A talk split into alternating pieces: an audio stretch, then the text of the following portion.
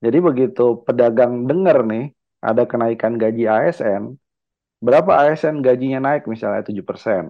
Nah, itu akan langsung ditangkap oleh para pedagang untuk menyesuaikan harga jauh lebih mahal dengan asumsi, oh ini pasti akan ada yang beli nih. Yeah. Nah, itu akan menyebabkan terjadinya penyesuaian harga jual di level konsumen.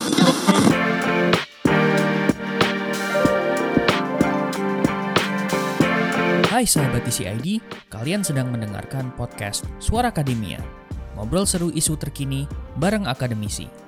Presiden Republik Indonesia Bapak Joko Widodo mengumumkan akan ada kenaikan gaji untuk aparatur sipil negara dan juga pensiunan di tahun 2024 besok gitu.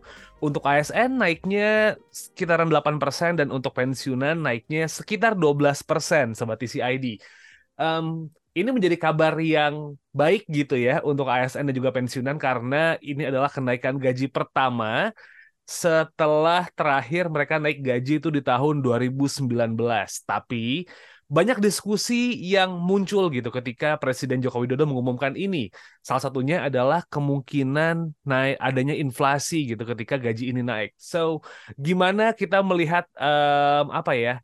Kejadian-kejadian dan juga efek yang bakal muncul ketika gaji ASN ini naik kita bakal bahas di Suara Akademia kali ini. Nama saya Muhammad Syarif, saya podcast produser dari TCID dan kali ini kita bakal ngobrol bareng sama Mas Bima Yudhistira Adinegara dari Selios. Beliau adalah direktur Selios. Halo Mas Bima, apa kabar Mas? Kabar baik, ya. Oke. Mas Bima, pertanyaan pertama nih Mas. Ketika tahu ada pemberitaan bahwa uh, Pak Jokowi itu tuh ngumumin ada kenaikan gaji ASN, pendapat Mas Bima gimana nih Mas? Ya, heran dan tidak heran. Oke. Okay. Jadi yang heran adalah pada waktu Pak Jokowi mengumumkan di dalam pidato nota keuangan 16 Agustus itu, itu kan kalimat awalnya bagus ya, bahwa mendukung reformasi birokrasi. Bahkan sebelumnya menyebutkan banyak tantangan global. Dan juga ada kata-kata yang saya masih ingat adalah kita harus mendukung artificial intelligence atau kecerdasan buatan. Hmm. Jadi dua kali menyebutkan reformasi birokrasi, tapi penutupnya adalah dengan menaikkan gaji ASN dan pensiun. Di sini menjadi keheranan karena pidatonya tidak koheren, tidak hmm. berintegrasi uh, dengan upaya melakukan reformasi birokrasi. Di mana-mana reformasi birokrasi itu ditunjukkan dengan pengurangan jumlah pegawai pemerintah, efektivitas dari rantai birokrasi yang menggunakan digitalisasi. Seharusnya kalimat penutupnya bicara soal reformasi birokrasi, pemerintah misalnya mengeluarkan berapa triliun untuk melakukan digitalisasi di semua rantai birokrasi hmm. dan mengurangi jumlah pegawai. Tapi itu tidak mungkin diucapkan karena yang menjadi tidak heran hal yang sama itu pernah terjadi pada waktu 2018. Hmm. Makanya 2019 ada kenaikan gaji ASN. Jadi tidak heran karena ini siklus lima tahunan, yeah. di mana jelang pemilu biasanya kebijakannya akan cenderung populis, kebijakannya akan cenderung mencari suara atau voter gather, dan ASN ini kan di Indonesia sekitar 4 juta ya.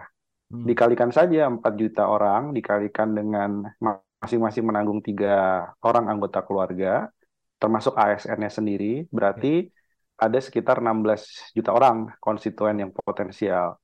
Nah, ini akhirnya kebijakannya cenderung populis. Kemudian juga kalau melihat dari beban belanja pegawai sejauh ini, itu angkanya meningkat cukup signifikan dibandingkan dengan pra-pandemi. Jadi tanpa adanya label kenaikan gaji dan tunjangan pensiun, misalnya buat ASN, memang tren dari belanja pegawai angkanya terus mengalami kenaikan.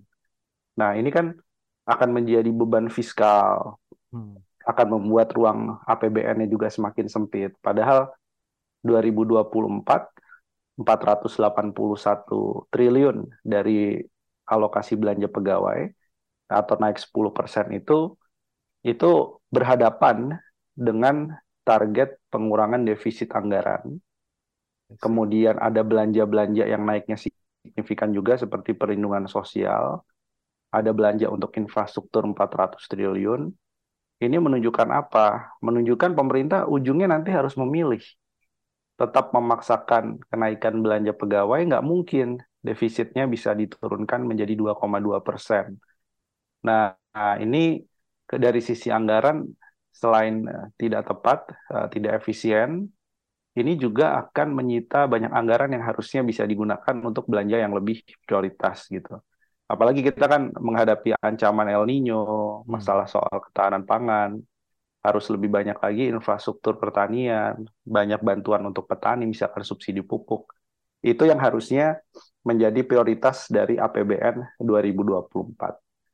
Nah, itu itu itu gambaran uh, umumnya ya, ya dan hmm. tentunya masalah untuk mendorong inflasi ini. Artinya ada mismatching yang gede banget dong, Mas Bima, karena kalau ngelihat pidatonya Pak Jokowi yang menyebutkan ini supaya pelaksanaan transformasi berjalan efektif gitu ya, uh, mewujudkan birokrasi pusat yang efisien dan juga kompeten, terus meningkatkan kinerja sama mengakselerasi transformasi ekonomi itu tuh dengan ini tuh bukan hal yang cocok dong artinya. Iya betul. Waktu dengar pidato Pak Jokowi dan membaca naskahnya berulang kali, itu saya pikir wah bagus ya Pak Jokowi ini sangat-sangat uh, inovatif ketika menyebut artificial intelligence, kecerdasan buatan. Beberapa kali juga pernah menyinggung soal big data. Yang artinya itu sebenarnya jawaban. Jadi Pak Jokowi sebenarnya sudah punya solusi terhadap reformasi birokrasi. Hmm. Tidak perlu rekrut ASN terlalu banyak, gantikan mereka yang tidak berkaitan dengan pelayanan langsung ke masyarakat, yang ada di belakang meja itu digantikan dengan teknologi. Satu, lebih efisien, lebih cepat prosesnya, termasuk perizinan bagi dunia usaha dan UMKM, karena nggak terlalu banyak bolak-balik uh, tatap muka. Hmm. Kemudian yang kedua, bisa mengurangi korupsi dan suap. Gimana caranya kan kalau semua sistemnya sudah online, transparan, dan elektronik, itu kan celah untuk melakukan kong kali kong, suap. Misalnya paling gampang begini deh masih ada kan kejadian bikin KTP harus ngasih uang yeah. itu kan kalau semuanya sudah terdigitalisasi nggak ada lagi ruang untuk begitu mm-hmm. kan karena robot nggak bisa disuap yeah. jadi itu itu salah satu cara untuk melakukan reformasi birokrasi nah berikutnya lagi kalau melakukan transformasi ekonomi ya pemerintah bilang bahwa tantangan ke depan ada dari global inflasi El Nino juga disebut Cuman itu tidak tercerminkan dari anggaran yang kemudian disediakan. Kenapa jawabannya mesti ke ASN gitu ya? Kenapa jawabannya mesti kenaikan gaji? Padahal kalau kita lihat dari struktur ekonomi yang perlu dibantu hari ini itu ada dua. Yang pertama adalah pertanian, karena dia menghadapi tantangan input biaya produksi makin mahal, juga harga jual kemudian tidak pasti dan ada masalah iklim, yang kedua adalah industri manufaktur. Porsi industri manufaktur ini hari ini kembali lagi seperti tahun 1991, porsinya bukan nilainya. Jadi manufakturnya di 18% terhadap produk domestik bruto. Nah, kalau kita ingin mendorong sektor manufaktur yang kuat, di situlah harusnya pemerintah mendorong insentif yang lebih banyak lagi untuk manufaktur termasuk menaikkan upah dari para pekerja di sektor industri padat karya, hmm. bukan upahnya dari ASN. Nah, sekarang kan ini juga menimbulkan ketimpangan juga jurang yang makin lebar. Uh, ibaratnya begini, ini kok di pemerintahan udah dapat tunjangan, ada gaji ke-13 gitu ya, dan banyak bonus lainnya. Pindah ke IKN juga akan dapat insentif, misalnya hmm. bagi ASN, kementerian. Tapi kok para pekerja ini dipasung dengan Undang-Undang Cipta Kerja yang formulasi kenaikan upahnya cenderung lebih kecil nih dibandingkan PP 78 2015. Ini kan kalau bilang menyelamatkan daya beli, mendorong konsumsi rumah tangga lebih tinggi, harusnya APBN diarahkan lah untuk membantu di sektor industri pengolahan dan memperjuangkan upah yang lebih layak. Kalau perusahaan nggak mampu, APBN harus keluar dalam bentuk bantuan subsidi upah. Hmm. Itu yang yang sekarang menjadi penting dalam transformasi ekonomi ini di 2024. Jadi agak rancu juga dong ya kalau misalnya ada beberapa pengamat yang bilang kenaikan gaji ASN ini bagus karena akan meningkatkan daya beli gitu Mas Bima. Ini ada juga nih yang berpendapat kayak gitu soalnya. Ini bakal uh, melindungi perekonomian karena gaji naik, daya beli juga naik gitu, perputaran uang di market juga banyak. So, ini jadi hal yang patut dipertanyakan juga dong. Iya, sekarang sama-sama uangnya dari APBN. Hmm. Sebagian dikasih ke ASN. Tidak semua kemudian dinaikkan gaji akan langsung dibelanjakan. Ingat juga ada yang namanya saving juga. Hmm. Ada yang disimpan. Bisa jadi gaji naik, Nah, yang naik bukan konsumsi rumah tangganya, tapi yang naik adalah saving di perbankan atau simpanan di perbankan. Ini saya cek aja ya jangka menengah ya untuk hmm. tabungan deposito berjangka. Itu naiknya udah 7% dibandingkan tahun lalu. Jadi nggak seotomatis itu orang naik uh, upahnya untuk ASN, termasuk golongan yang menengah atas, itu kemudian langsung dibelanjakan. Nah, itu itu satu. Kedua, kalaupun dibelanjakan tidak semua dibelanjakan di dalam negeri. Hmm. Mungkin bagi beberapa pejabat justru ketika kunjungan ke luar negeri mereka baru belanja banyak di situ. Akan jadi ada banyak variabel yang tidak bisa saklat akan menaikkan tingkat konsumsi. Nah sekarang beda. Kalau uang tadi kenaikan gajinya ASN sebagian digunakan untuk UMKM itu pasti langsung dibelanjakan di dalam negeri. Hmm. Atau mas, misalnya masuk dalam bantuan subsidi upah bagi para pekerja yang upahnya di bawah 5 juta per bulan, itu akan langsung dibelanjakan. Apalagi dalam kondisi sekarang, kelas menengah bawah itu butuh kucuran likuiditas dari pemerintah. Nah, itu itu satu hal. Kemudian yang kedua, kalau asumsinya akan menaikkan konsumsi, maka juga harus diperhatikan adanya imbas terhadap inflasi dari sisi permintaan atau demand pull inflation.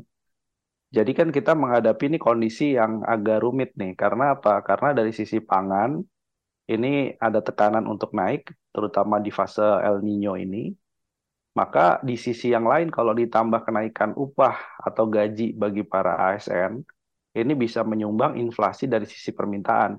Pemerintah targetnya inflasi di 2024 itu 2,8 persen secara tahunan atau bisa jadi lebih rendah dibandingkan tahun ini. Kan agak aneh gitu.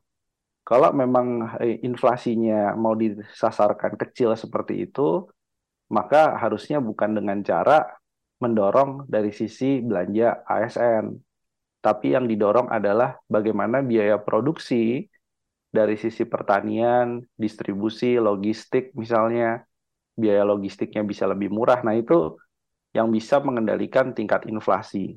Nah, jadi ini yang agak nggak sesuai antara target inflasi dengan rencana dari mendorong gaji ASN.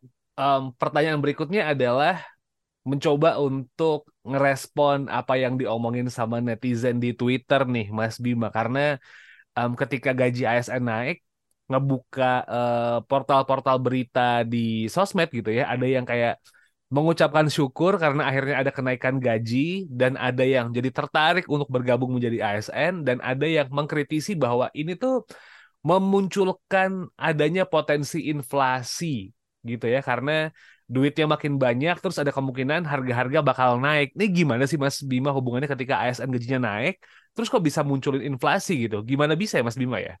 Iya, ini secara ekonomi klasik sebenarnya. Jadi inflasi kan ada dua tadi Hmm. Inflasi dari sisi penawaran, misalnya pupuk mahal, hmm. mau nggak mau petani ngejual gabahnya dengan harga yang lebih mahal, berarti ada beras yang harganya naik. Itu inflasi sisi pasokan.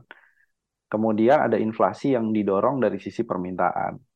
Oh, gajinya naik misalnya gitu ya. Nah, itu apalagi kenaikannya cukup tinggi.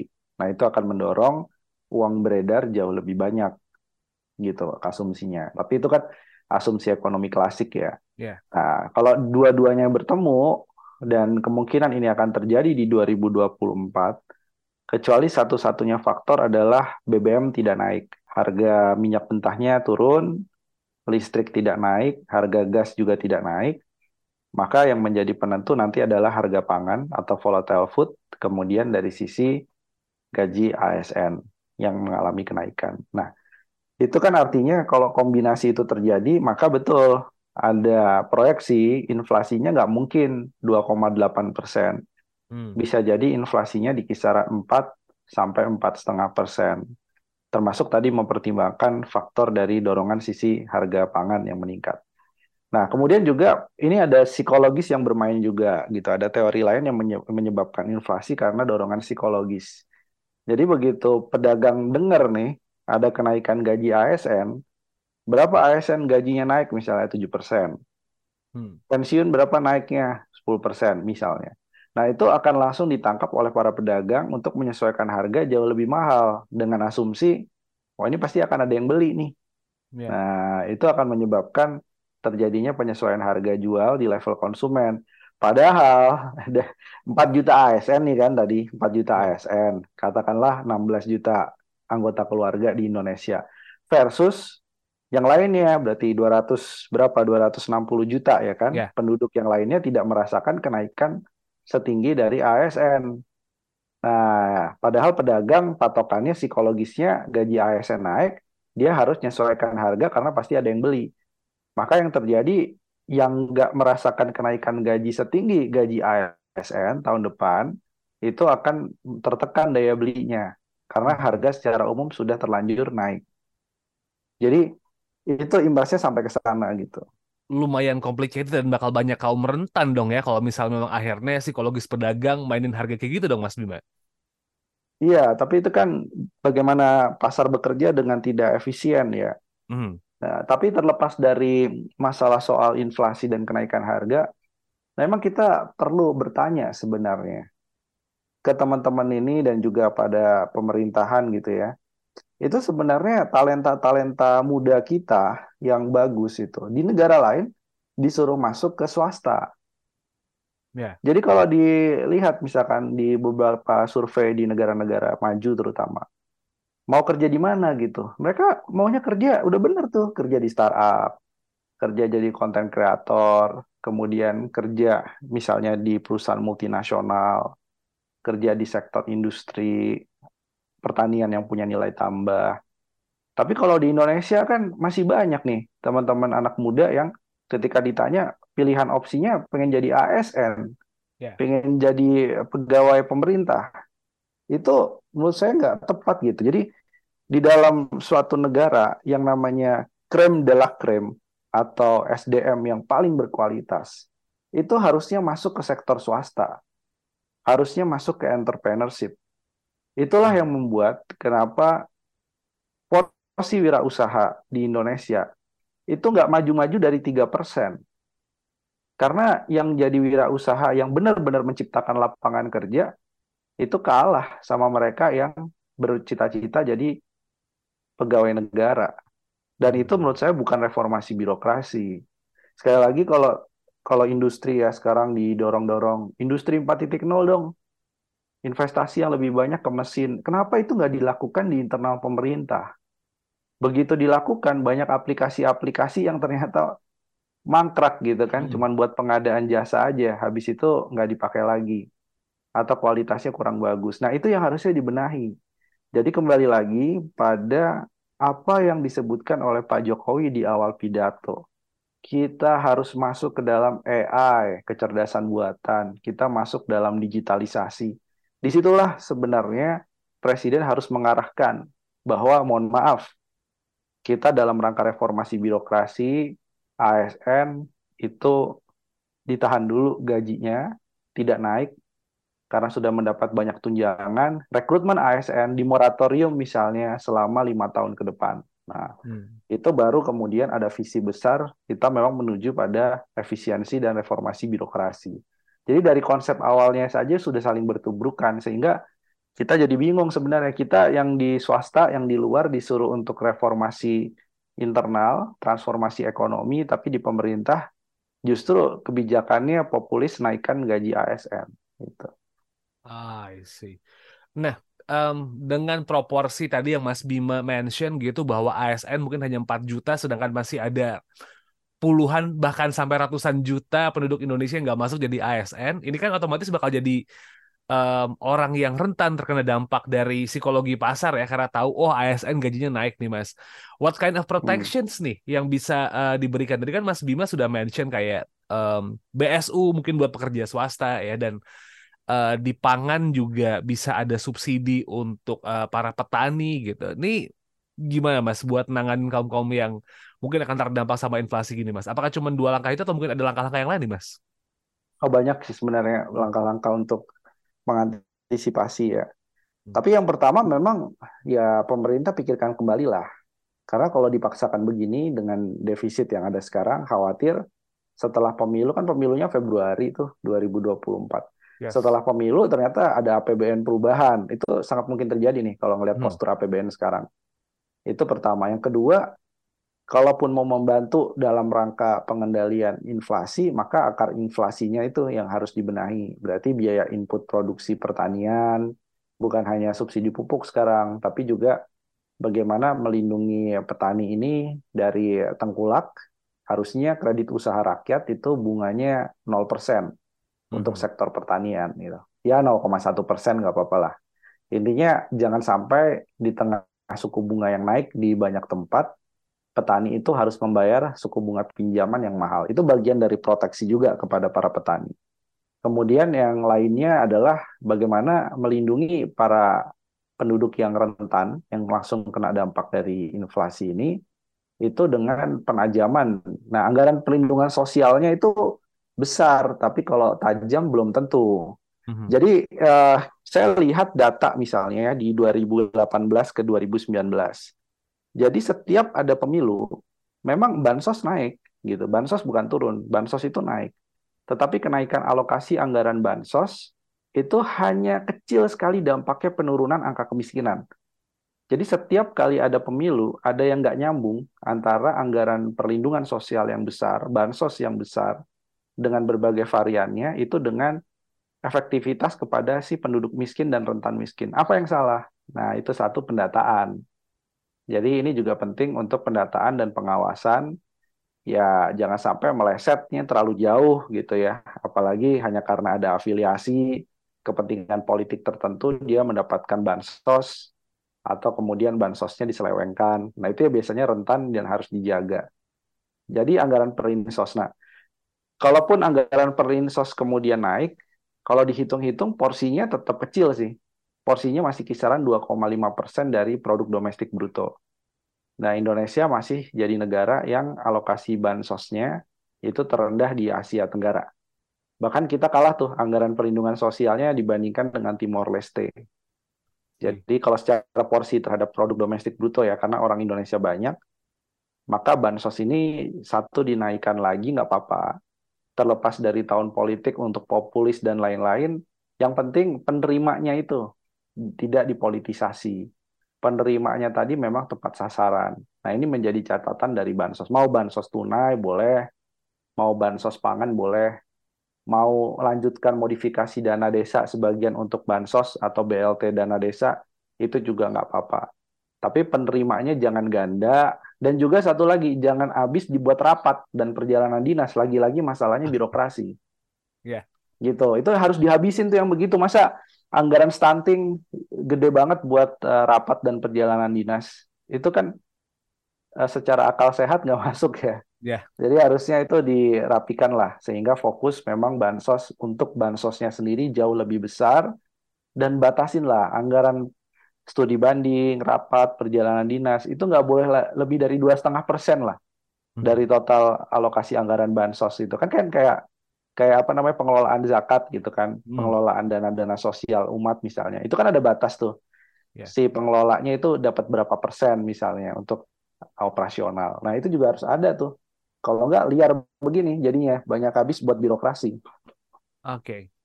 Permasalahan uh, kenaikan gaji PNS ini memang sepertinya kalau dilihat dari kacamata yang lebih uh, besar gitu atau mungkin kita ngeliatnya dari helikopter view bakal jadi aneh ya Mas ya mempersulit dan juga bikin lebih ribet gitu buat ekonomi Indonesia ke depannya gitu ya. Iya nggak sih? Iya, iya. Produktivitas belum hmm. tentu. Inflasi pasti terjadi. Kemudian juga reformasi birokrasi yang diinginkan juga malah uh, nggak berhasil di jalan yang tepat gitu kemudian anak-anak muda yang pinter-pinter, udahlah santai aja kok gaji ASN-nya pasti naik, tunjangan juga banyak. Udahlah rame-rame daftar di kementerian lembaga atau di Pemda gitu. Padahal yang lulusan pinter-pinter harusnya bantu di sektor swasta ya kan gitu. Nah, jadi uh, kita perlu memang terus mengingatkan kepada pemerintah agar jangan sampai ini kan dana publik berasal dari pajak, sebagian didanai dari utang. Yang nanggung adalah ya 270 juta orang Indonesia. Bahkan bayi baru lahir kan menanggung kurang lebih sekitar 28 juta rupiah. 28 sampai 30 juta rupiah dari utang pemerintah. Artinya ini semua ditanggung oleh dana publik, jadi harus berdasarkan kepada manfaat yang lebih besar bagi publik. Nah, publik butuh apa sekarang? Publik bukan butuh itu. Publik butuh ASN kerjanya bagus, ASN tidak melakukan korupsi. Dan kalau misalkan sering kali dibilang begini, ya kan gaji naik kan biar nggak korupsi. Itu nggak terjadi gitu. Iya. Jadi korupsi sih korupsi aja, nggak yeah. gajinya udah gede, tetap aja korupsi. Ini kan kasus di misalnya ini kan saya bicara fakta kan yang hmm. sedang ditelusuri sekarang di Kementerian Keuangan itu terutama di pajak dan kemudian bea cukai adanya masalah soal berbagai skandal keuangan di sana. Itu kan bukan masalah gaji dan tunjangan besar-besar bahkan mengalahkan kementerian lembaga lainnya tapi tetap ada masalah kan. Nah, jadi artinya bukan itu sih sebenarnya. Jadi bagaimana reformasi birokrasi dan transformasi ekonomi itu harus koheren dengan struktur dari belanja pegawai. Oke. Okay. Last uh, statement mungkin Mas Bima yang disampaikan lagi soal pemberitaan um, kenaikan gaji ASN buat tahun 2024 ini Mas Bima karena kayaknya udah uh, ke recap semuanya gitu ya. Um, banyak permasalahan yang sebenarnya juga bisa harus lebih diperhatiin lagi gitu. So silakan Mas Bima, ada yang disampaikan lagi kah? Ya, saya cuma menyampaikan ya. Dulu saya ingat betul banyak menteri, banyak dirjen ya yang berani bilang tidak gitu terhadap rencana yang sifatnya populis. Mm-hmm. Nah, sekarang ini kelihatannya kalau dari luar ya sudah mengingatkan gitu. Tapi dari internal pemerintah harusnya ada yang memberikan teguran keras bahwa bukan begini caranya untuk membuat Indonesia bisa lebih maju bukan begini caranya untuk mendorong hilirisasi industri yang tengah didorong pemerintah dan digitalisasi ekonomi. Bukan begitu caranya. Dan anggaran sekarang semakin terbatas, defisitnya ditargetkan semakin mengecil, jadi harus bijak-bijaklah dalam melaku, melakukan alokasi anggaran 2024 gitu. Jangan hanya karena bertepatan dengan pemilu, maka semuanya boleh dijadikan anggaran yang sifatnya populis. Oke. Okay. Thank you so much Mas Bima dari Center of Economic and Law Studies Celios ya. Dalam rangka pemilu sampai 2024 pelaksanaan pemilu Mas Bima, Celios uh, sibuk ngapain Mas? Kita sibuk sebenarnya lebih banyak itu sih kita reformasi fiskal. Oke. Okay. Kemudian ngebantu mendorong optimalisasi target perpajakan. Ketiga adalah bagaimana nih bantu pemerintah cari alternatif pinjaman dengan bunga yang ringan kalau bisa pinjamannya berkurang gitu ya. Mm-hmm. Nah itu mungkin yang sedang dikerjakan di bagian ekonomi fiskal. Oke. Okay. Cek aja um, apa yang lagi teman-teman Selios ulik dalam tanda petik gitu sobat TCID di Selios underscore ID itu di sosial medianya atau cek di website ya masnya di selios.co.id itu semuanya komplit di yeah. situ. Alright. Thank you so much Mas Bima dan juga sobat TCID yang sudah mendengarkan episode kali ini.